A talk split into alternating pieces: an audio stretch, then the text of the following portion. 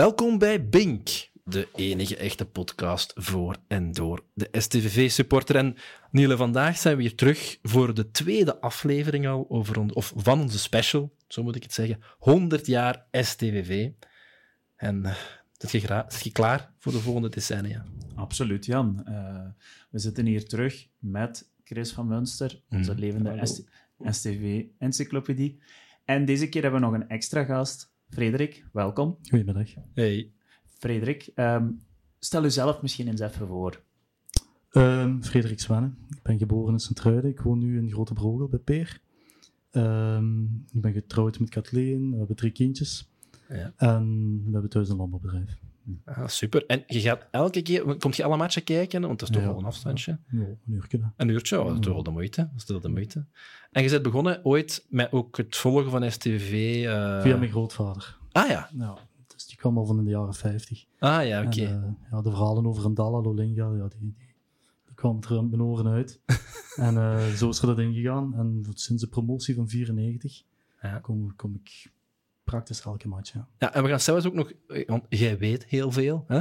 Eh, hoe- hoe komt dat? Want van Chris hebben we het vorige keer al gehoord hoe het komt dat hij zoveel weet, maar jij, zit- jij zit dan al helemaal niet dicht bij Sint-Truiden, en toch? Ja, ik heb hier wel een hele tijd gewoond. Ah, toch? Ah, ja, ja, oké, ja, ja. Eh, Maar hoe komt dat? Ja, ik zeg het. eh, mijn grootvader die zijn mond stond niet stil Ah. de jaren 50, 60, eh, 70. En eh, ja, gebeten erdoor. Super. beginnen opzoeken. Voilà. Voilà. Zoals het gaat, ik wil zijn vader en zoon.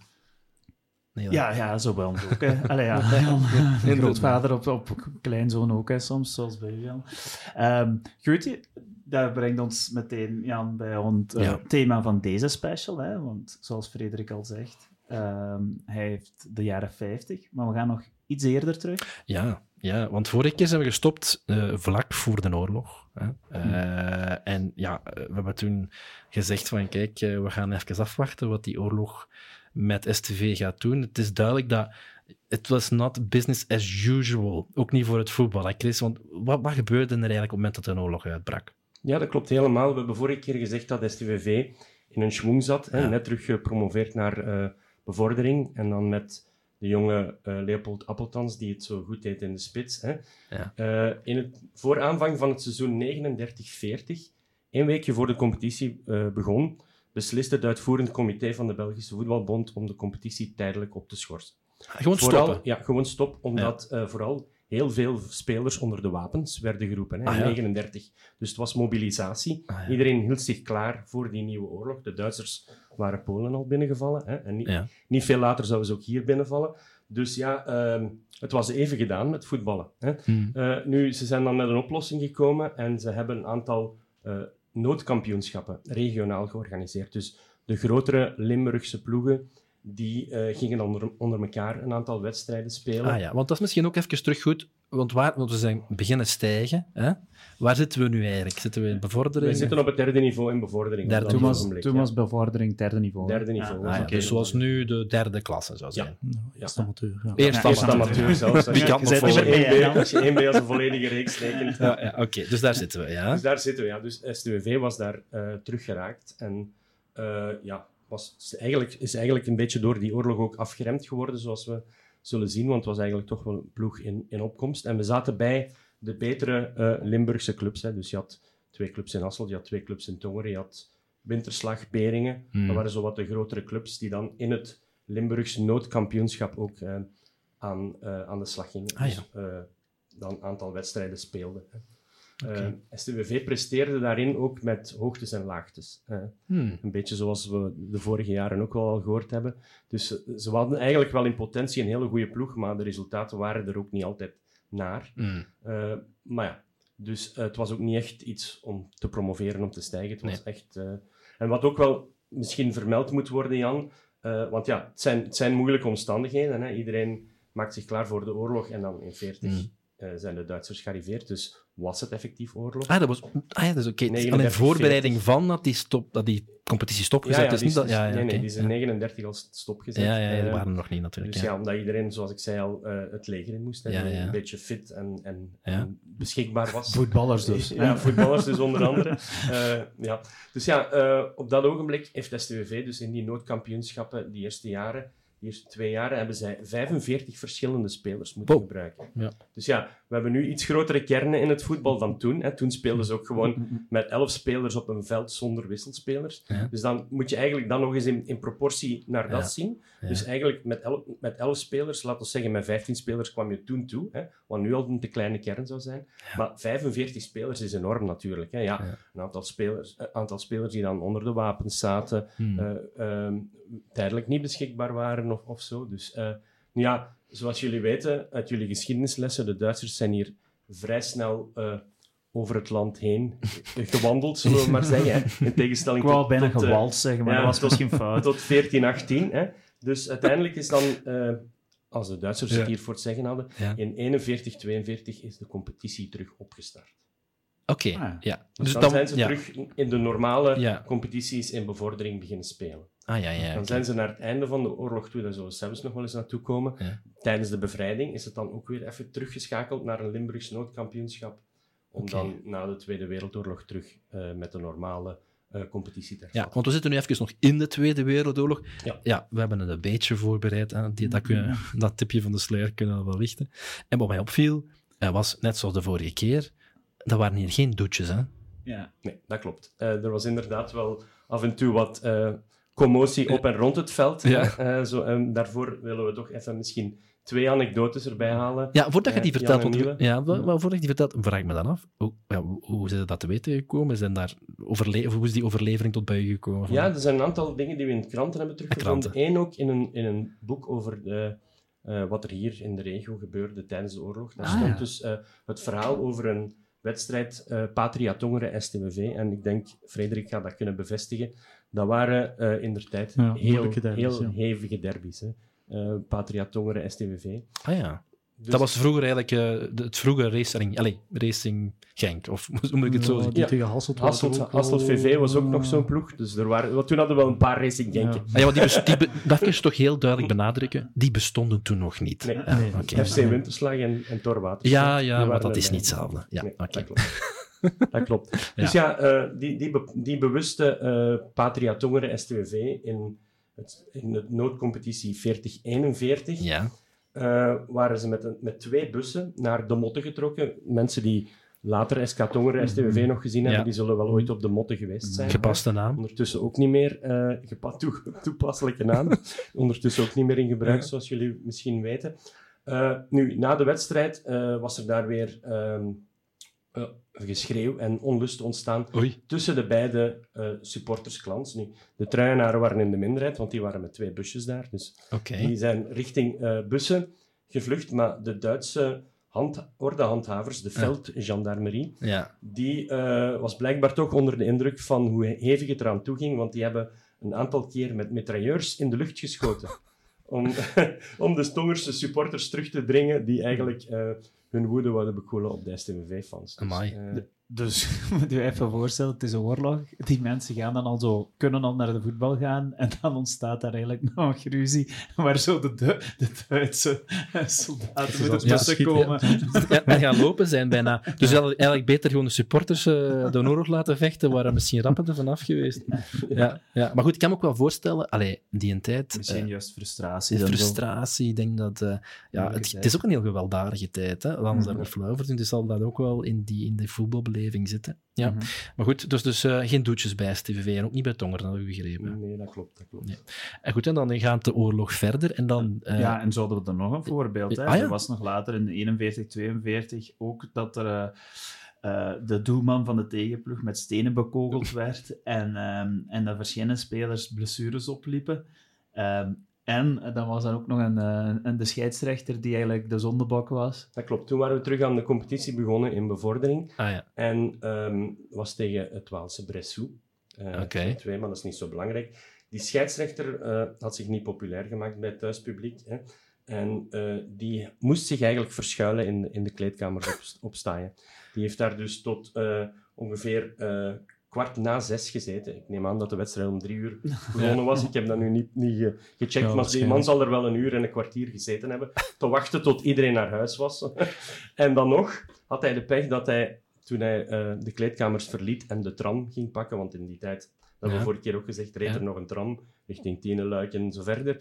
Eh, op het ogenblik dat hij aan de tramhalte stond, kwamen er toch nog een aantal STWV-fans uh, opgedoken die uh, hem een rammeling verkocht hebben. Kijk, maar ja. ik vind dat eigenlijk hallucinant, want er is een terecht, daar is heel veel om te doen over supportersgeweld de laatste jaren.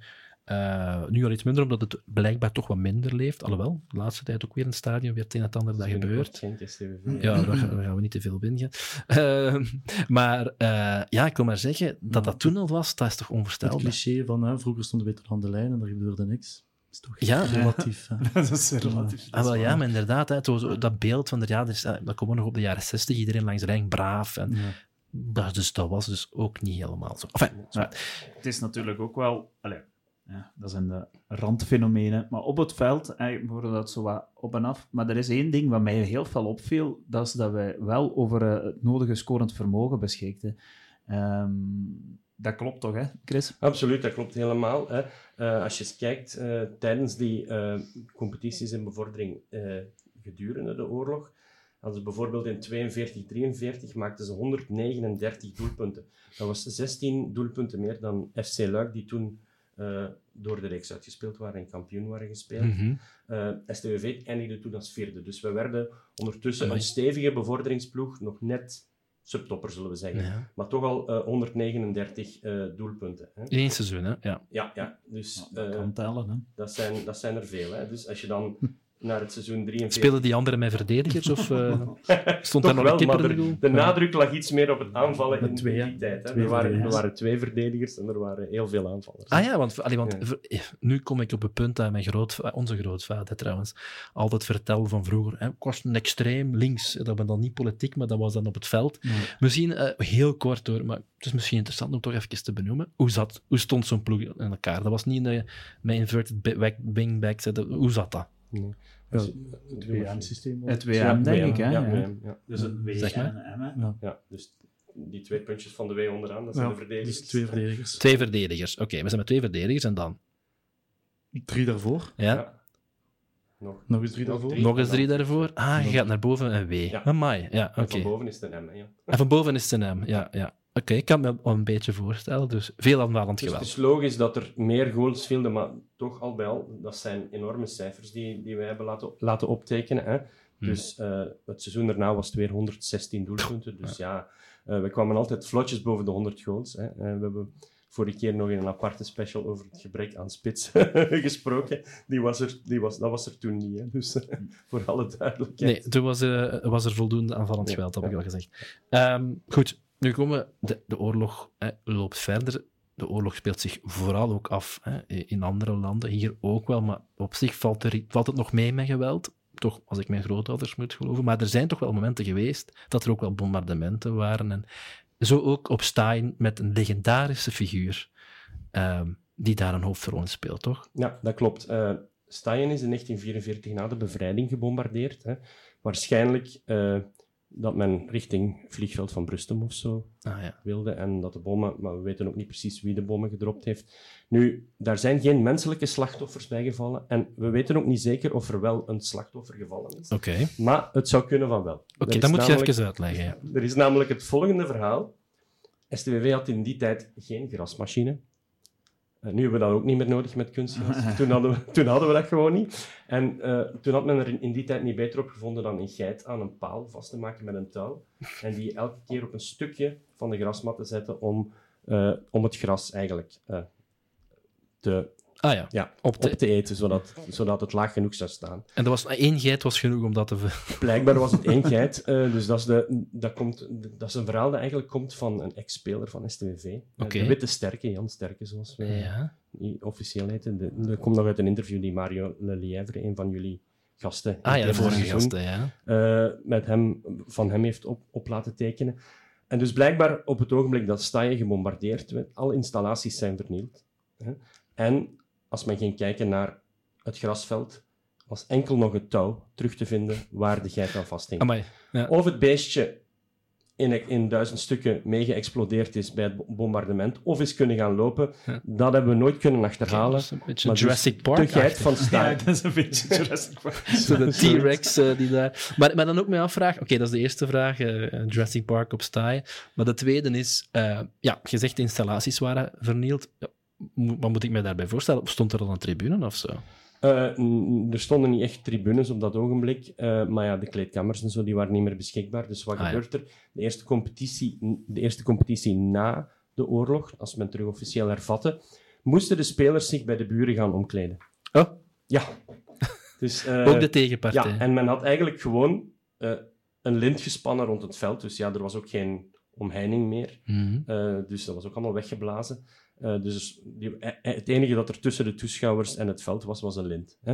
Ah ja. Dus ja, Maar, dat, tja, dat is nu wel opvallend dat je dat zegt, want die beelden van de jaren 60, dat is dan zo, ah, daar komen we later op. Hè, maar dat is toch ook met, met, een, met een soort van wind. Ik heb daar toch nog geen omheiningen gezien. Maar daarvoor maar waren toen het stonden er wel tribunes, alleen stonden de mensen toen voor de tribunes. hè, ja. Dus, ja. Ah, oké. Dus dat, maakt het, dat maakt het verschil. Maar in ieder geval, toen was er eigenlijk niks. Hè. Toen Ah, ja. had je het veld en die, dat was met lint afgespannen.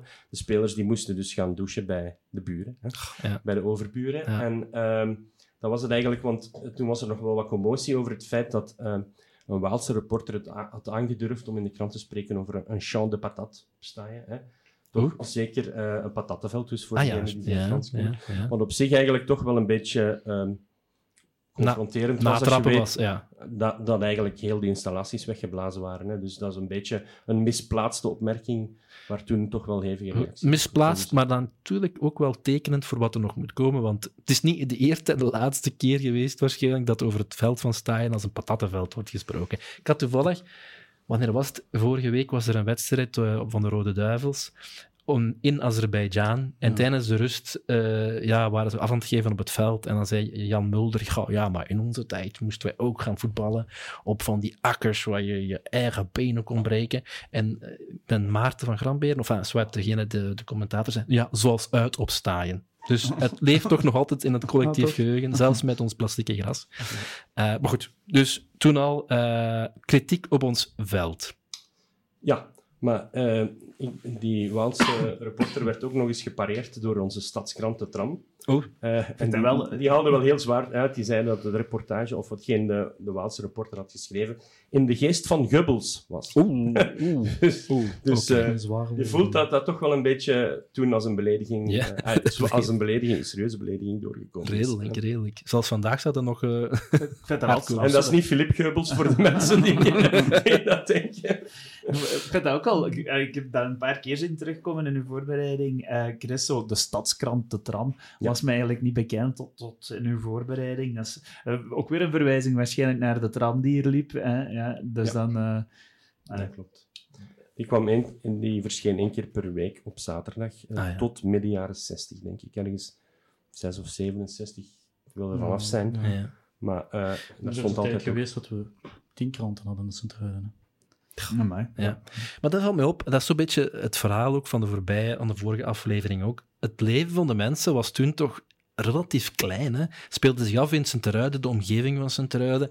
En wat mij dan opvalt, die intensiteit was er niet minder om. Want nu, als wij voetbal gaan kijken, dat zijn mensen van, eh, ploegen van, van eh, honderden kilometers ver soms.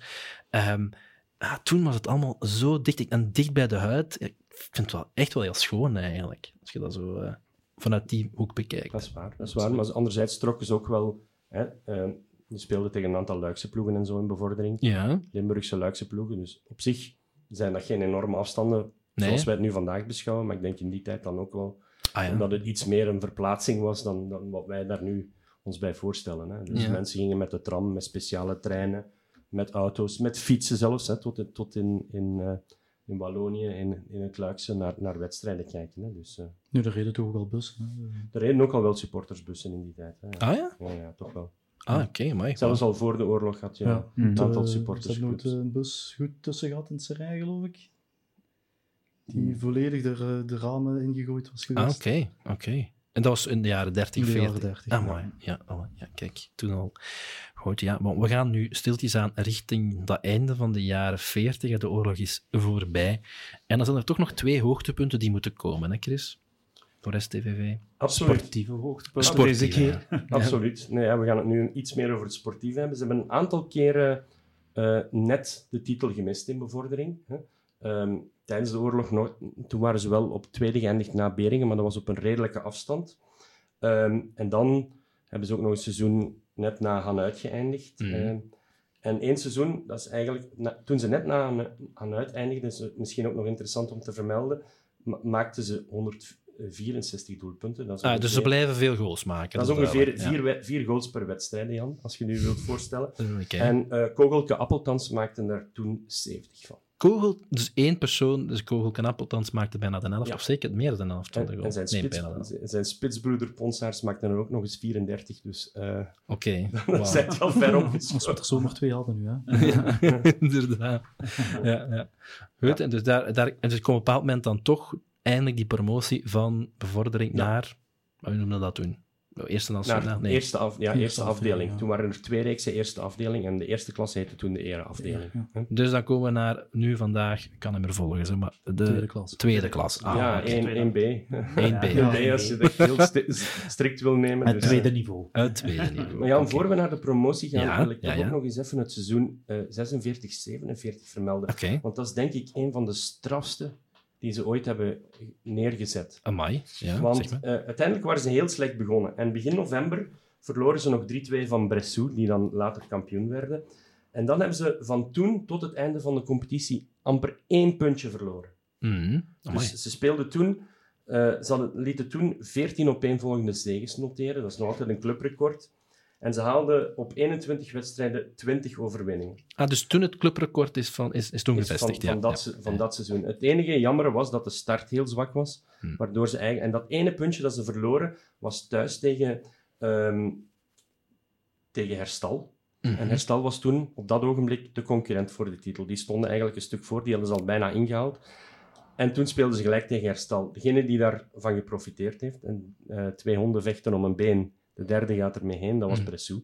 Die zijn dan kampioen geworden. Ah ja, Maar dus hebben ze toen eigenlijk een fenomenale reeks neergezet, die ik toch ook nog even wou vermelden. zeker, zeker. Ja. Want, eh, oké, het was weer voor de derde keer dat ze tweede werden in, in bevordering. Het was dus weer mislukt, maar echt heel straf. Ja. Echt heel, heel straf. Ja, oké. en Ook dan... weer met 148 doelpunten, 9 Ja. doelpunten meer dan de kampioen. Nee, het zult We eigenlijk. waren wel een doelpuntenmachine. Amai niet. Ja, ja, ja. Ja. En dan, voor voor we dan even naar de, effectief naar de, naar de promotie gaan. Hoeveel man, ah, heb je een idee van hoeveel supporters op dat moment naar voetbal komen in Sint-Truiden? Zijn er er- ergens records van? Dan... Daar staat eigenlijk, eigenlijk weinig van terug te vinden. Ah, ja. Soms lees je wel van we zijn met een aantal honderden of een aantal duizenden op verplaatsing, maar echt toeschouwersaantallen vind je in geschreven bronnen eigenlijk weinig terug. Nee. Ja, dus oké, dan moeten we een beetje hebben we wat raden naar, maar dat het leeft zal wel duidelijk zijn, denk ik dan. Ja, ik denk wel ja. dat er eh, in die tijd heel veel volk ook kwam al. toch genoeg, ja. Op dat niveau, Eh, op dat niveau ja. Ja, ja, ja. achter, achter toe van de spoorweg, voor alle duidelijkheid, er stond niks. Dat heeft heel lang geduurd trouwens, voordat er iets stond. Ah ja. De supporters, de- eigenlijk hadden we zo met baseballfield, gelijk eh, eh, Ah, ja, ja, ja. Derby County lang heeft gehad. Alright, alright. oké. Ja, ja want Goed. ik denk zelfs, eh, Frederik, dat die tribunes er pas in eerste gekomen zijn Ja, hè, aan de ja. spoorwegkant. Ah, ja. 50 Alleen de, de trappen, de grada's eigenlijk. Oké, ja. oké, ja. Goed. Dus En- ja, en dan zijn we er eindelijk. Hè. ja, Eh, ja. 47, eh, 48, eindelijk de promotie eh, naar eerste afdeling. Eh, wat misschien ook opvalt, is dat dat seizoen we eigenlijk in een an- totaal andere reeks zijn terechtgekomen. Daarvoor was het Luikse Limburgse ploegen. Mhm. En nu kwamen we vooral met veel Antwerpse ploegen in de reeks. Ah, Ah, oké. En, en ook weer een aantal Limburgers. Want we zijn dan eh, eigenlijk los door de competitie gespeeld. We zijn met zeven punten voorsprong op eh Torwaterschei eh geëindigd. Mhm. En het orgelpunt was dan de, het moment dat ze hun laatste thuiswedstrijd speelden tegen Wezel. Dat was eigenlijk- Wezel. Ja, dat was eigenlijk een beetje een feestje, want ze hebben toen eh 10-0 gewonnen. 10-0. 10-0 gewonnen. En Kogelke waarschijnlijk 9 gemaakt. bijna, bijna. Wat dat mooi was, was... eh, dat was de laatste wedstrijd van de competitie en hun eh, aantal treffers stond toen op 97. Dus Ah. ze zijn toch weer boven de 100 geraakt. ja. En de honderdste goal was voor Twan Poleunis, vader van. Ah, oké. Ja. Ja, we komen dan Eh, richting en de die had het seizoen ervoor ook net de honderdste gemaakt. Ah, ja. Dus dat was de twee- specialist in... Heeft dus speciale twee seizoenen na elkaar de De honderdste honderdste goal van Ah, STVV nice, gemaakt. nice. Ja, ja. Dus, en dat was de derde maal dat, dat STVV de meest scorende ploeg in België was. België zelfs. Ja. Ah ja, natuurlijk, als je Ja. daar 100 maakt. Klopt, ja. Ja, Zult er vreemd. niet veel meer geweest zijn. Nee, ook nee, ook nee, nog nee. even vermelden, want je kan denken 10-0. Hmm. Wezel was niet een van die ploegen die helemaal onderaan stonden. Die zijn achtste geëindigd. Dus Ah, ja, maar, ja. En, en, en hoeveel zaten er dan ongeveer in een, in een ik denk denk je? dat er 16 waren. 16 Ja, ploegen. ja. Ah, Oké. En heb je iets gevonden, dat, dat interesseert mij dan, van een kampioenenfeest of zo? Ja, absoluut wel. Er zijn hè. huldigingen geweest toch al Ja, er zijn huldigingen geweest, maar zelfs voor de wedstrijd werd er dan al in stoet opgetrokken naar... Ja. eh, want toen waren ze al kampioen. Hè. Ja, ja, waren ze al kampioen? Zijn- toen zijn ze in stoet opgetrokken naar de wedstrijd. En dus ja, dan was het eigenlijk al... eh, je hebt daar ook een aantal foto's terug van, eh, die ik daarvan kan terugvinden van eh, de feesten met vlaggen op, op het veld en zo voor de wedstrijd. Dus eh, ja. Check. dus er is absoluut wel, wel gefeest. Festiviteiten. Ja. Oh, En er was nog reden om te feesten, want het is niet alleen kampioenschap, eh, maar we hebben daar ook onze, een, een primeur van een international. Het jaar daarna. Die. Ja, komt het seizoen jaar- daarna, ja. Ah, dat is het jaar daarna. Ja, Oké, ja, ja. daarna. Ja, ik ga te snel. Dat is eh, niet Ja, de eerste ja, keer dat ik dat Op, opmerk. op zich zijn eigenlijk de zaadjes wel gelegd daar, want Voilà. Eh, ja, iedereen zal wel weten dat het over kogelkapeltans gaat. Dat weet ik niet of iedereen dat Dus, weet. eh, maar- bij ik hoop dat iedereen dat weet, want dat is toch een belangrijke figuur in, in onze geschiedenis. Maar ja, dus zoals gezegd, die had al eens 70 goals op een seizoen gemaakt. Eh, die werd ook regelmatig topschutter in bevordering. En dan het seizoen daarna eh, bevestigde die, eh, Frederik, in, in eerste afdeling. hè. Ja, ja, ja, hij bleef scoren. Hè. En hij wordt samen met Jan van Waarbeek B-international. En, ehm, Maar de B International, wat is dat? Dat dus is dat... vroeger had je geen belofte. Ah, ja. had een, een tweede ploeg, zo gezegd. Ah ja, oké. Ja. Heeft lang bestaan trouwens. Dat, eh, tot ergens jaren 90. Ja, dat, ja zoiets. Ja. Oké. En ehm, ze spelen tegen de London 11. De London 11. Oh, wauw, dat is een Dat heel is uh, iets naam. Zoals de Limburgse Entente. Maar dan Oké. spelers die spelen bij Londense ploegen. Maakt niet uit welke nationaliteit dat zou. Alright. Ah, ja. En ehm, hij speelt daar tegen Hughes, die speelt bij Chelsea. En dat was een Welsh international. En hij speelt hier naar huis. Oh. En ehm, ja, dat wordt opgemerkt natuurlijk. En eh, zo wordt hij dus geselecteerd voor de eerste trainingen. En dan eh, spelen ze tegen een Nederlandse ploeg, met die naam ontgaat mij. Mhm. Dat was zijn eerste officieuze match. Ook daar bevestigt hij. En dan mag je meedoen eh, tegen de Nederlanders op de Bolzuil. Oh, wauw, cool. Ja, ja, voor een volle Bolzuil. Ehm, maar het- ja, ja, speelde niet slecht, maar het was, Het was geen topmatch. het was geen topmatch. Nee. Nu, later zegt hij dat hij eh, op voorhand verwittigd was door de gevestigde namen dat het de eerste en de laatste keer ging zijn. Ah, oké. En waarom Ja. was dat dan? Eh, Ehm, ja, hij zei dat ja, het kwam doordat hij niet bij de, bij de grote drie groepen was, de, Ja. de Brusselse, de Antwerpse en de Gentse. En dus eh, iedereen die daar buiten viel, die eh, Plus hij zat dan eigenlijk nog maar op het tweede niveau. op het tweede niveau. Ja, Ja, ik denk dat we dat heel fel moeten benadrukken. Hè. Hoe, Ja. hoe uitzonderlijk dat, dat is, dat iemand wordt opgepikt uit de tweede klasse Ja. om, om eh, voor een nationale ploeg van dat land te gaan spelen. was dat toen ook zo uitzonderlijk, of gebeurde dat dan nog? Allee, heeft dat, want ja, bij, voor ons is dat natuurlijk ondenkbaar. waren toen nog van Racing 10. Ah, ja. Maar, eh, Ja. Ja, toch, toch nog, het was wel opmerkelijk. Ja, Ja, ja. Ja. absoluut.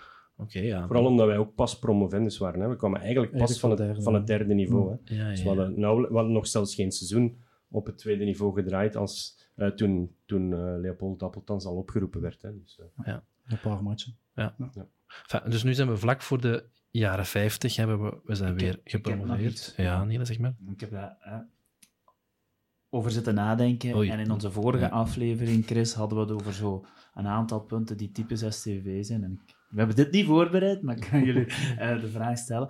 Ehm, en één ding in deze week scho- schoot het me eigenlijk te binnen van... Ja, we hebben het niet gehad over ons clublied. Vooruit STV. dat klopt. En eh, dat kwam niet in, in, in onze voorbereiding. Nu, ben ik goed ingelicht dat dat van ongeveer 48 is? Ja, terugweg van Beringen. Oké. Terugweg van Beringen. Wel, Dus Oké, we kwamen van de wedstrijd in Beringen.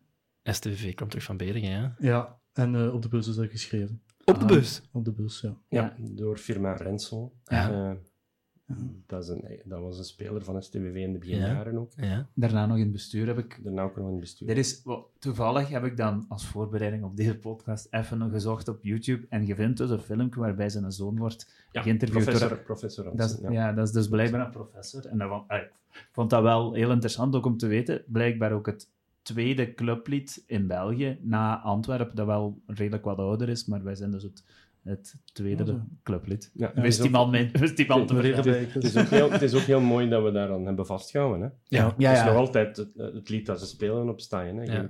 Ja, ja, ja, die man was er ook zo heel fier op dat zijn vader dat Ja. had eh, Ja. meegeschreven. Ja, want op zich, oké, de tekst zal geschreven zijn, maar de muziek, de melodie zal Die misschien bestond, die bestond. Want Ah. er heeft mij ooit iemand over gecontacteerd van dat dat een melodie was van een of andere eh, song, hè, partituren, weet ik veel. Eh, nu, zelf ben ik niet zo'n muziekspecialist, dus ik heb die mens doorverwezen naar professor Rensel, naar de zoon Ja, van Firma. ja. Eh, en ik heb daarna nog eens een mailtje gehad met de bevestiging van het is dit, het is dit en dit muziekstuk waar het uitkomt. Oké, Dus- dat is iets dus voor je quiz misschien, Chris. Dat is net iets te moeilijk, vrees ik, Jan, want Nou. ik weet het al niet meer. Dus. Ja, misschien zijn er anderen die het wel weten. Hè? Maar ja, Ja. goed, het is dus die tijdsgeest. Hè. Voilà, onze Frederik heeft het al opgezocht. Ja, maar zeg maar, Muziek van Frederik. A. Meulemans. Ah. Arthur Meulemans was het. Van Arthur Meulemans. Ja. Dus niet dat het een bekende slager was. enfin, misschien wel, maar goed. Ja, voor die. Goed, nee, dat was te moeilijk. geen Neil Diamond waar iets op gezet is of zo. nee. Goed, maar bon, dus, eh, dat is toch wel mooi effectief dat je zoveel jaar later, dat is nu bijna 80 jaar zeker, dat wij, eh, dat wij aan hetzelfde clublied vasthangen. hè. Prachtig. Ja. Typisch Sint-Truiden. Ehm, we zijn nu eind jaren 40. Eh, De 50, jaren 50 doen we op. Eh even terug, hè, zoals we bij elk decennium doen. Even onze ogen dichten en proberen zich in te beelden van hoe was dat toen, wel, de jaren 50. Dan denk ik aan de Expo, dan denk ik aan, eh, aan, aan, het, aan het wonder dat zich eh, voltrekt, hè, de economische Mijn ouders die geboren worden. De ouders die geboren worden, in, in ons Als- geval in dan. Onze generatie. Ja, Mijn ook, ja. voilà, onze generatie. Dus er gebeurt veel, de opgang is daar, eh, zeiden de mensen. Hoe was dat voor STVV? Maar we gaan beginnen met het begin, want natuurlijk weet dat iedereen, enfin, de meeste mensen zullen weten dat we richting het einde jaren 50 wel naar een eh, serieus hoogtepunt gaan. Eh, maar in het begin, hoe was het toen, Frederik? Want dat was iets waar dat jij eh, toch vooral veel over gelezen hebt en gehoord hebt van je grootvader. De jaren 50. Ja, in het begin, begin was het ja, meer meedoen dan echt voor de titel gaan. Hè. Dus, het was vooral overleven eigenlijk. Ja, ja, Zeker in 4950 was een degradatiestrijd. Ehm, ja. wat nog ook was, ehm, op, op Staaien komt eh Daring Leuven kampioen spelen. ja. Zeg je Stade Leuven? Ja, Stade Leuven komt Ja. kampioen spelen. Die promoveren naar Eerste Nationaal. Ten koste van FC Beringen. Oké. Wat ons bijna zuur te, komt te staan in het volgende seizoen. Als we in het volgende seizoen komen, worden de twee tweede klasses samengevoegd. Ah ja, want er is, een er, is een- er is iets gebeurd, iets met de competitieformat. Dat, leg dan een keer uit, want dat, ja, dat was mij, ik ben het lezen niet helemaal duidelijk. Dus er, gebe- er is een competitieformat, wijziging. Wel, ja. Er zijn twee tweede klasses. Eh, Twee tweede klasses, ja. Tweede A, tweede B. En ze gaan daar één tweede klasse van maken. Ah ja, oké. En, eh, is van alle tijden, en dus. en ze voeren derde klasse in. Dus dat is op, Ja. nee, op het moment dat niveau, eh, dus dat bevordering vierde niveau werd en dat er een derde klasse werd Ah. ingevoerd. Hmm, Dus de twee eerste afdelingen, de vroegere tweede klasses, die werden samenge- samengevoegd. De acht eerste uit iedere reeks. Ja. En de acht laatste die degradeerden dan naar waar het, wat het derde niveau ging worden, wat later, ah, wat dan derde nationale werd. Dus ze moesten binnen de eerste acht eindigen. moesten binnen de eerste acht Ja. eindigen en dat was niet zo simpel. Oké. En de laatste speeldag spelen wij tegen, en ik dacht dat het Verviers was, Ja, ik ben niet heel zeker. Ja. Turnhout speelde Beringen. Ja. Beringen was dat nog niet vergeten dat Stade Leuven hier kampioen mocht, mocht kwam spelen. Ah ja, want die konden kampioen worden ten koste van... Ja, oké. Beringen. Ja. Oh, ja. Voilà. ja. En heel. Sint-Truiden had schrik natuurlijk dat Beringen Ah ja. Turnhout ging laten winnen. Want eh, het tweede punt was die van Stade. Die waren het jaar daarvoor gewoon doorgereden naar Beringen. Waar ze een speler hadden wonen. En die waren daar heel groot gaan vieren. Ah, Dus het lag gevoelig. het lag gevoelig, ja. En eh, toch, eh Sint-Truiden wint. Tegen... Waterschijn was het. Tegen Tegen Waterschijn. Waterschijn. Dat mogen we niet vergeten, Inderdaad, tegen tegen Waterschijn. Ja, Waterschijn. ja. Maar eh Beringen moest ook winnen. En Beringen doet toch zijn, zijn, eh, zijn plicht. En tegen Turnhout. Ja. Ehm, dat terwijl ze hun beste speler, bijvoorbeeld Benz, niet hadden laten, op, eh, laten starten. Oké. Eh Benz trouwens ook international geweest. Ah. Ehm, en van tevoren was het dus bekend in Sint-Truiden, dus Benz doet niet mee. Dus, eh, Ja, zo hebben het dus eigenlijk verkocht. ja, hè? het was Of, ja, verkocht, iedereen had er schrik van. Maar Ja. toch, het komt goed en we mogen dus naar de naar de echte tweede klasse gaan. Ja. Chic. Ja. En dan? Dan gaat het, eh, verder, hè, want we zitten in tweede klasse. Ehm, daar blijven we dan even in hangen, dacht ik. Hè? Want het duurt toch wel een tijd voordat we, daar, eh, dat we daaruit geraken. Ehm, Valt op zich nog mee. Het was een ja? minder, eh, minder lange periode dan dat we in bevordering hebben gestaan. Ah Eh, ja, in daarom bevordering hebben we echt er zitten. Ja, Eh, nu zijn we eigenlijk, want als je, als je even bekijkt, Jan, ja. eh, zijn we in eh 56, 57 kampioen Ja. geworden. Ah ja, oké, dus dat is toch, wel- toch wel vijf, zes periode, jaar. Ja, periode van 5, 6 jaar. Ja. Maar Ja, we moet er ook al rekening houden dat we bij de laatste waren die toen zich kwalificeerden voor, voor Ja. die reeks. Dus op, op zich moet Ja. je dan ook, eer dat je dan bij de top hoort, toch nog wel een beetje doorgroeien. Ja, Nu, ik denk uiteindelijk, we, we hebben Kogel Knappeltans al een paar keer vermeld, nog een speler, Frederik, die we zeker niet mogen vergeten. Eh, jaren 40 al ook, en, maar zeker jaren Ja, 50 is ook Ja, Jan van Van Waarbeek. Ah ja, die naam, die, dat is toch een naam als een klok hè, van Waarbeek. Ja, Van Waarbeek is eh, een bekende truienaar, ja. Ja. ja. En die speelde ook mee in die ploeg toen eh, op de, in begin jaren 50. Die deed al mee eind jaren 30. Niet? Ja, dus Ja. die is ongeveer eh, het Ja. seizoen na Kogel Kappeltans gedebuteerd, dus a- 38, 39, die periode. En die heeft het dan uiteindelijk volgehouden tot begin jaren 60. Wow. 62. December 62 heeft hij 62. zijn 700ste wedstrijd Ja, voor de moeten gespeeld. stoppen wegens een blessure. Oh my, oh my. In twee- Oké. 1 of 42-jarige leeftijd? 42. 42, voilà. Ja. Amai. Ja. Amai, ja. Dus dat is eigenlijk een clublegende, hè. zoveel gespeeld. Is dat het recordhouder of is dat, wie is de ja, ja, dat is duidelijk de record. Ah, ja, Ja, ja, we ja, hebben oké. in Brugge nog een gevonden van de jaren 20. Die was... Ah, van Sint-Truiden. Van Ah, ik dacht... eh, Nationaal, dat nationaal. Speler, eh, nationaal. Ah ja, die heeft Ah, ja, dus gezeten. nationaal zal die ook wel redelijk bij de, Ja, de tweede. de twee... Ah, oké. Ja, Dus, goed, eh, dat wist dus ik Een paar jaar terug was het eh, Timmy Simons. Hè, en het Ja. grote- en toen hebben we toch uitgevonden dat het... Jan van Waarbeek was nog ouder als Timmy Simons. Oké, En toen hebben ze in Brugge nog een en ergens gevonden. Ongelooflijk. door goed te graven. eh. ja. Oké, ja, dus die eerste jaren, dat is wat, dat is wat struggelen. Hè. Maar er, er, dat is normaal. Hè. Eh, maar er gebeurt ook nog iets in de jaren 50. Eh, iets met de, de beker wordt uitgevonden. Hè. Eh, en we doen daar... Heruitgevonden is een beter woord. Ah, oké. Ja, in de jaren 20 en de jaren 10 hebben we al eens bekercampagnes gehad. Ah, oké. Trouwens, de eerste bekerwedstrijd van STV was eh, seizoen 26, 27 op Hasselt VV, die we met 9-0 verloren. Oké, die 10 van daar... de eh, beker is dan een tijdje opgeschort geweest, Ja. Frederik, en dan is hij teruggekomen, hè, midden jaren 50. Midden jaren 50, ja, we doen het trek mooi. Hè. We, we spelen, mogen dan spelen op eh standaard in de kwartfinale, Amai. de achtste finale. Ja, Nu moet ik zelf eh ja.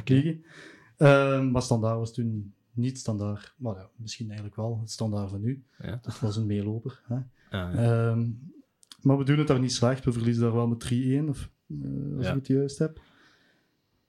Eh, maar we gaan eruit. We gaan eruit. Standaard wint later wel die bekercampagne. Ah, die hebben ze gewonnen. Ah, ja. Ja. het, de volgende bekercampagne was eigenlijk nog veel mooier. Winnen we thuis tegen Berchem Sport, wat toen een deftige tegenstander Ah, was, ja. met enkele internationals. Was dingen dat niet? Oh, nu ga ik je zeggen, ik, ik, ben, ik permitteer me om heel onnozelheden te vertellen. hè. Rick Koppes, is speelde? Beerschot. Beerschot. Dat is Beerschot, ja. ja die is wel trainer bij Bergen geweest. Ah, ja, en ik denk dat, ik zag iets staan, ik denk dat Berchem ook iets heeft dit weekend Ja, zelfs. Een de opening van hun poort. Ah, Eh, die hebben zo'n hele mooie Ja. stadionpoort, zo'n heel klassieke. Mhm. Die is ehm, Want die hebben veel eh, van een, hersteld eigenlijk een beetje. Ah, Die hebben ze terug in eer hersteld. En die veel van een werd- oud stadion moeten afbreken. hè. Ja, en die hebben ze dus eh, dit, dit weekend terug eh, ingehuldigd. Ah, Ah, nice. ja. Oké. Dus ja, we spelen daar... We hebben gewonnen of... Nee, verloren dan waarschijnlijk Op tegen. standaard verloren. Ja, en dan. Berchem winnen we thuis. Oh, wow. 3-2. Ja. Ehm, volgens de krant hoorden ze de supporters juichen tot op de grote markt. dus eh, het was wel de moeite. De winst zat goed. Ja. Ja. Ja, uiteindelijk was dat net, zo, net zoals we de laatste bekercampagne gedacht hebben, een buitenkantje om hem te winnen. Dat Ja, seizoen. want eh, bij de laatste acht zat bijvoorbeeld Eendracht Houthalen, vierde klasser. Oh. Ehm, vooral tweede klassers en enkel Antwerpen nog. Als, eh, Mhm. en- Antwerpen en Beringen, Ja, zo was het. ja. Eh, Antwerpen was toen een topploeg. En Beringen toch, was toch ook een gekende ploeg, niet? Een gekende, maar dat was Minder dan Antwerpen natuurlijk. Ja, klasse ja, dan ja, ja. eigenlijk een degradatiekandidaat. Oké, ja. En tegen wie loten wij natuurlijk? Antwerpen, Even- op de Bulzuil. Ah ja. Waar we een hele goede match spelen, waar we eigenlijk moeten winnen, maar waar we verliezen met 2-1. Ai. Nadat we 0-1 achterkomen. eh 0-1 voorkomen. Ah. En eh, we gaan er alweer uit. Want in de volgende ronde speelt Antwerpen dan de halve finale tegen Verviers. Ja. Verliezen die. Ach. En voor vier de finale. Ach, Dus Ja. eh, het had toen al gekund. En toen hebben ze de beker terug afgevoerd, want de finale was tussen twee tweede klassers en dat was blijkbaar moeilijk te verkroppen. Ah. en viers en Doornik wint. En dan hebben ze gewoon de beker Een aantal jaren terug de beker Ah, niet meer gespeeld. ah. En uit dat seizoen ook nog eh, in een van de e- eerdere bekerrondes, dat is ook nog een hele mooie anekdote, eh, speelde STWV op, op het Lisp tegen Lierse. Ah. En eh, op een bepaald moment stond het 0-3 voor, voor ons. Ah, ja. Eh, Lierse komt terug tot 3-3. Nou, in die tijd was er geen sprake over verlengingen en penalties. Wat deden ze? Eh, de scheidsrechter telde wie het meeste aantal hoekschoppen had gekregen. en degene die het meeste aantal hoekschoppen had gekregen, eh, die ging door. Dus STWV Amai. heeft zich daar gekwalificeerd met 8-9 op hoekschop. Zalig.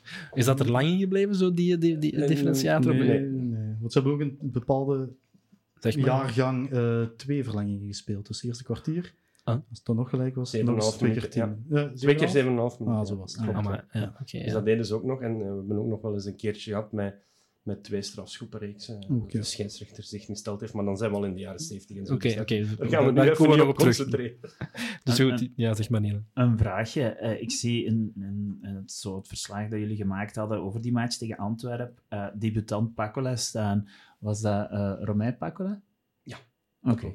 En wie was zegt zo Ah, wel, wie is je dat? hebt daar ooit een post over gedaan, Jan. Je hebt die opgezocht. Ah, ja, die, dat die is was nog, dat is mijn eerste keepertrainer Ja. geweest in Duras. Dus Ah, ja? ik heb van Romein nog keepertraining gehad. Ja. Hij heeft ook nog denk ik, één wedstrijd match. gepikt, eh, ge, gekiept op Ja. eh, het seizoen dat we kampioen gespeeld zijn. Ja. Ah, Ja.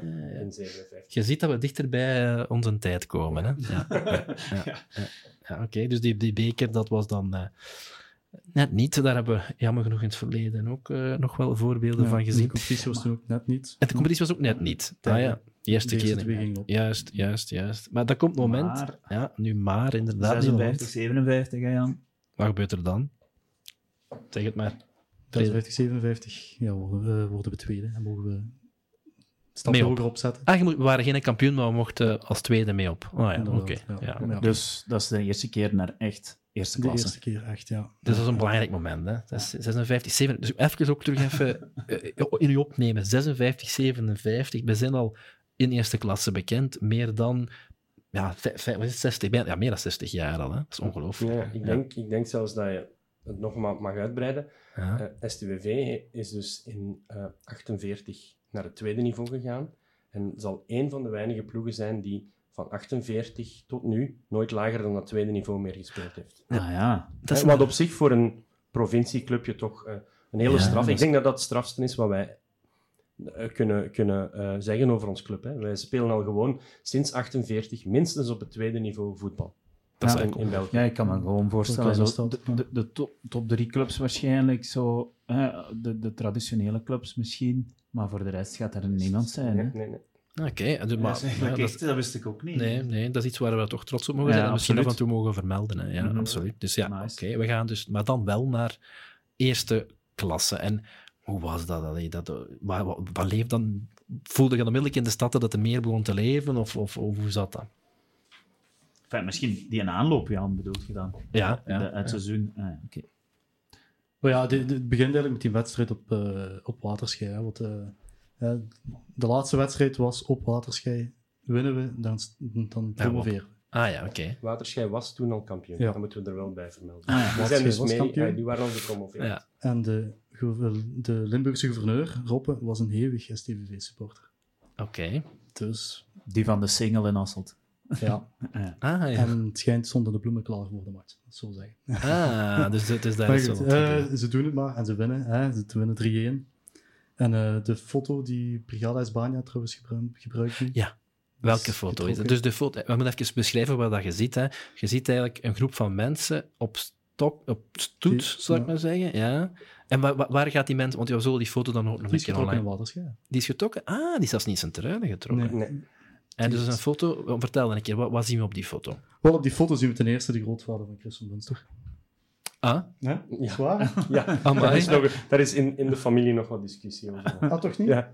Het zou kunnen een lookalike zijn, of dat, dat schijnt is mijn grootvader nooit mee op we In de laten de waarheid nooit... Maar bon. hè? Wel, de, de verwarring komt eigenlijk eh, omdat we de, de spoorweg zien Ja. en we zien een tribune. En daardoor denkt iedereen dat dat op staaien getrokken is, Ja, voordat de brug er stond. ja, ja. ja. Oké. Ehm, en de, de grote vlag met de, de geel-blauwe vlag zien we ook in het midden.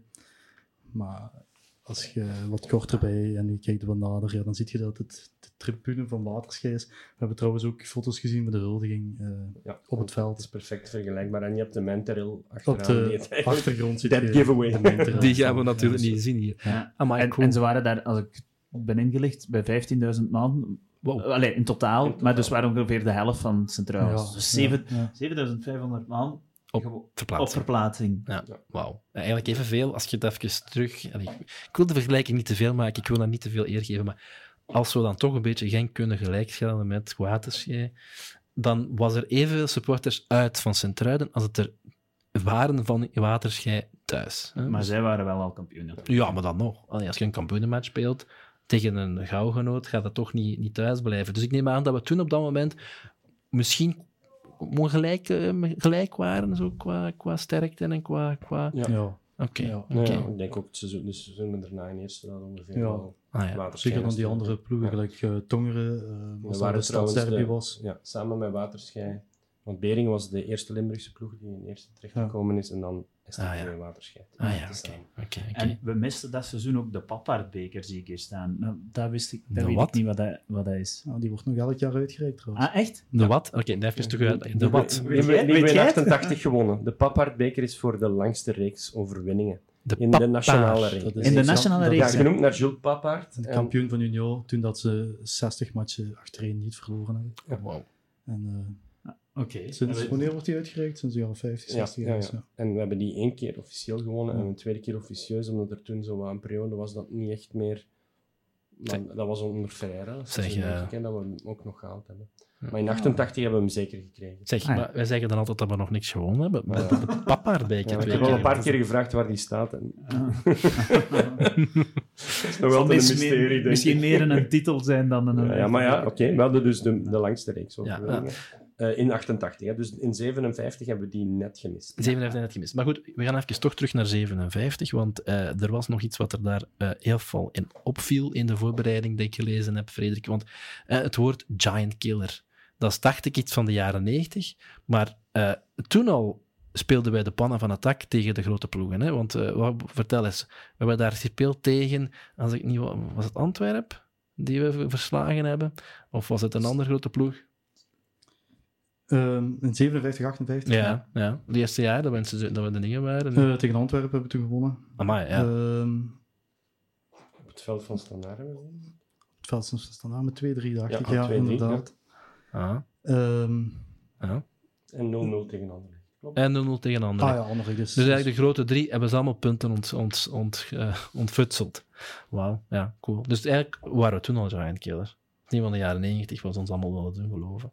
Toen is Het is begonnen met Bergen. Maar. Ja. Het is begonnen met Bergen. Ja, ja. super, super. Ja, oké, er is nog iets eh, wat mij... Wat mij eh, Datzelfde jaar ja, ja, absoluut. hebben we een quote die misschien ook wel heel belangrijk Ja, is. de geschiedenis in gaat gaan, toch? Ja, we hebben, we hebben een vorige aflevering al eens vermeld. Hè? Ja. Paul Massa, eh legendarisch figuur ook in. Jarenlang voorzitter.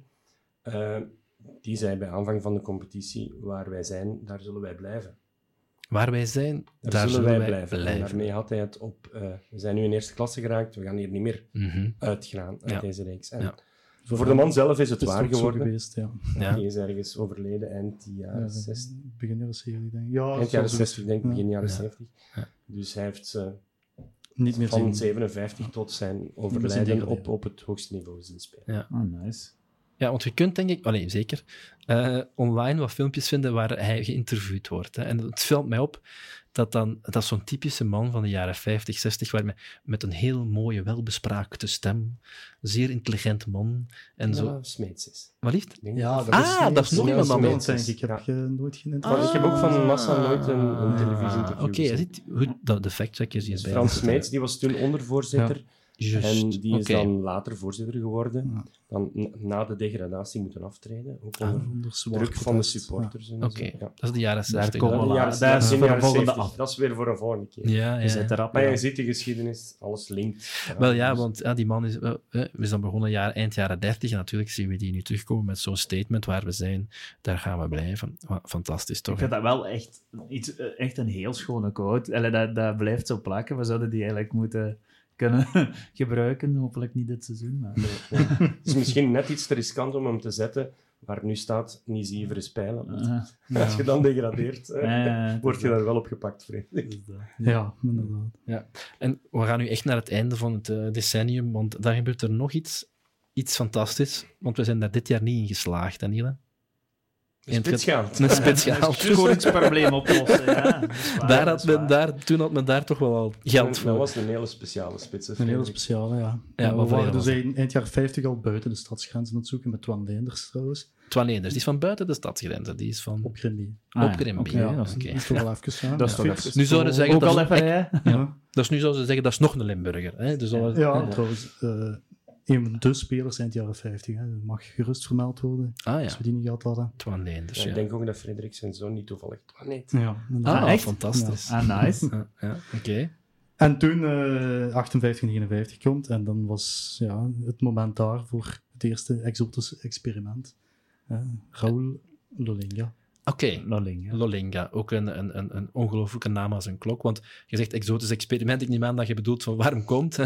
Van, van, wa- wa- waar is hem? Eh, Ja, onze Congolees. Hè. Dus Ja. eh, dat was onze eerste buitenlander. Onze eerste Congolees. En die werd zeer warm onthaald. Hè. Dus de eerste training dat die man meedeed, stonden er 2500 supporters aan zijn. Wauw. Dat is echt Eh, ongelooflijk. hè. Toen dat hij s'avonds gehaald werd op de luchthaven, dus alleen maar afgehaald. En zag arriveren op staaien waar training was. Dan stond er 2000 man hem op te wachten. Oh Eh, zo van die dingen, dat was heel speciaal. Was dat ja, waarschijnlijk ook een deel uit nieuwsgierigheid? Zo wat, iets nieuws. Maar dat gaat toch allee, ook wel... dat, dat is indrukwekkend. Hè? Ik denk Ja. niet dat we sinds toen misschien nog 2000 man ooit op training hebben gehad. Mm. Maar ik, draag, ik vraag me dan af, ja, het is natuurlijk heel gevoelig om dat te zeggen, maar ik ga het gewoon benoemen, omdat die tijdsgeest misschien wel is. Was het omdat het eh, een speler was van buiten de grenzen en, en, en dat dat op zich een geweldig geval? Of was het ook het feit dat hij zwart was? Want ik kan me ook voorstellen, ja, hier vrij wit. Hè? Ik neem aan dat er niet zoveel zwarte te zien zijn. Of speelt dat helemaal niet? Het was echt, wat, wat zou het kunnen geweest zijn? Ja, maar ik denk Beide dat, dat waarschijnlijk, ja, ja. een beetje van, van beiden is, maar om te zeggen van, eh, van dat echt uitzonderlijk is, Jan, Ja. even terug naar het eerste seizoen dat STV bestond, of competitie speelde, 24-25. Na afloop van die competitie hebben ze toen een oefenwedstrijd tegen een Congolese ploeg gespeeld. Dus dat was al in de Ah, jaren ja. 20. Oh ja, dus dan... Ah, ja. Dus het is niet dat, dat ze hier nog nooit geen, geen, Geen zwarte zwarte gezien. geen gezien. Afrikaan gezien Ja. hadden. Maar als Afrikaanse voetballers, die waren toen eigenlijk... Toen begon dat pas. hè. Ik denk dat Gent net iets voor ons Ja. was. En dat wij ook bij de eerste waren die dan eigenlijk een exotische voetballer aantrokken. hè. Ja. Ah, ja. Dus dat zal dan toch wel het voornaamste Ik ben, ik ben dat zo in proportie nu aan het vergelijken met Lukaku, die arriveert in AS Roma. Ja. Want ja, in proportie... Ja, Allee, ja, Ja, Dat is wel een mooie vergelijking. Ja, ja. die wordt daar onthaald met een vol stadion. Natuurlijk ja, moet je alles in zijn tijdsgeest zien, maar dat is eigenlijk toch wel indrukwekkend. Ja. Maar, maar ik moet me ook nog afvragen, hoe komen ze bij die en terecht? Want Ja, die zit daar in Congo. Eh, Is daar een verhaal bekend van, of dat weten we dan niet? Dat Ja, eh, hij zou gescout geweest zijn door een eh, ingenieur, Goffin uit Velm. Oké, Maar ik, ik heb eens gevraagd bij de Goffins uit Velm en die weten van ze niks. kennen hem niet. Dus ja, Velm kent nogthans wel wat voetbalkenners, maar ja, naar het schijnt. ik zal meneer Lismond eens vragen. Ja. Ik kan die niet beginnen te scouten. Nee, dus die is daar gewoon eigenlijk door een contact, eh, waarschijnlijk iemand die in die tijd, eh, dat is ook, mensen weten dat misschien, de jongere luisteraars gaan dat misschien niet weten, maar ja, België, uiteraard, dat zullen weten dat België een kolonie had en dat was Congo, dus niet toevallig dat het Congo is. Er waren heel veel Belgen die daar eh, eh, kolonisator waren. Trouwens, een heel, eh, daar komen we daar in begin jaren 60, hè, volgende aflevering ook op terug, een heel bijzonder eh, link met het eh, koloni- kolonisatieverleden van België en STV, want ja, eh, op een bepaald moment zitten die daar vast hè, en de onlusten breken uit. Congo breekt los van België en ze zitten daar. Goed, maar dat is, voor de, dat is een teaser voor de volgende keer. Ja. Voilà. Ehm, ja, Mia? Wat mij ook opvalt is van ja, hij was 18 en hij sprak vloeiend Frans. Dus hij zal, ja, wat logisch is natuurlijk. Ja. Ehm, Ja, we krijgen hier al bezoek. We zijn live aan het opnemen, dus uh, dan mag u even plaatsnemen, want we zijn live in uitzending. Ga maar verder, ja. Um, en ja, dus dat je uh, vloeiend Frans spreekt, dat is natuurlijk uh, nuttig, denk ik ook, allee, gezien de tijdsgeest. Ik denk dat hier ook een, op zich al in Sint-Truiden redelijk wat Frans nog werd gesproken en, Ah, en ja, ja. dat dat wel de, de integratie zal gemakkelijk gemaakt hebben. Ja, Het zal zeker geholpen hebben. ja. ja, maar het was toch een curiosum. Dat wel- duidelijk. Ja, ja. Goed, eh, ja, dat brengt ons eigenlijk bij het einde van de jaren 50 en, en het begin van de jaren 60, waar we het de volgende keer voor gaan hebben. Ehm, even de boeken neerleggen misschien hier. Eh, als je zo... Ik heb het niet voor, je hebt het niet voorbereid, hè, maar goed, laat het, laat de creatieve geesten maar los. Als je nu die 20, die 20 jaar die we nu bekeken hebben, eh, samen, moet gaan beschrijven, eh, wat, wat zijn zo de eerste dingen die nu opkomen? Hoe zouden we dat moeten onthouden? Dat is echt de, de, gro- de groei van onze club. Hè. Als je zegt van ja, oké, de oorlog heeft hier nog even afgeremd, maar dan zijn we in bevordering, blijven doorstijgen, altijd meer doelpunten maken, mee concurreren voor die titel. Net op dat tweede niveau geraakt, daar bij de hervorming net bijgebleven en dan op een aantal jaar weer doorgegroeid naar Hm. het hoogste niveau. Dus ik denk dat de jaren 40, 50 eigenlijk de groei van STV, Ja. dat je het daarmee kan om, De. Puberteit. De puberteit. Wel- Volwassen worden van Ja. Ja, en ik, ik ga er nog op terugkomen, maar ik vind het eigenlijk fantastisch om te zien dat onze club groeit, bloeit samen met de samenleving, maar ook minder goed doet samen met de samenleving. Wij, wij drijven blijkbaar echt op de economische wetmatigheid erachter. Ja, ik vind dat opmerkelijk. Hè? We gaan dat nog wel zien de volgende... Dus de keren. topjaren zitten eraan. De topjaren, hè, de, de golden 60s, die zitten eraan te komen. Maar die gaan we de volgende keer eh, houden. In ieder geval, eh, voor nu wil ik iedereen bedanken om hier aanwezig te zijn. Frederik, eh, Chris en Niele. Ook iedereen om te luisteren. En ik hoop dat jullie even geïnteresseerd ons blijven om iets te weten te komen over de jaren 60. Tot een volgende keer. Tot een volgende Bink.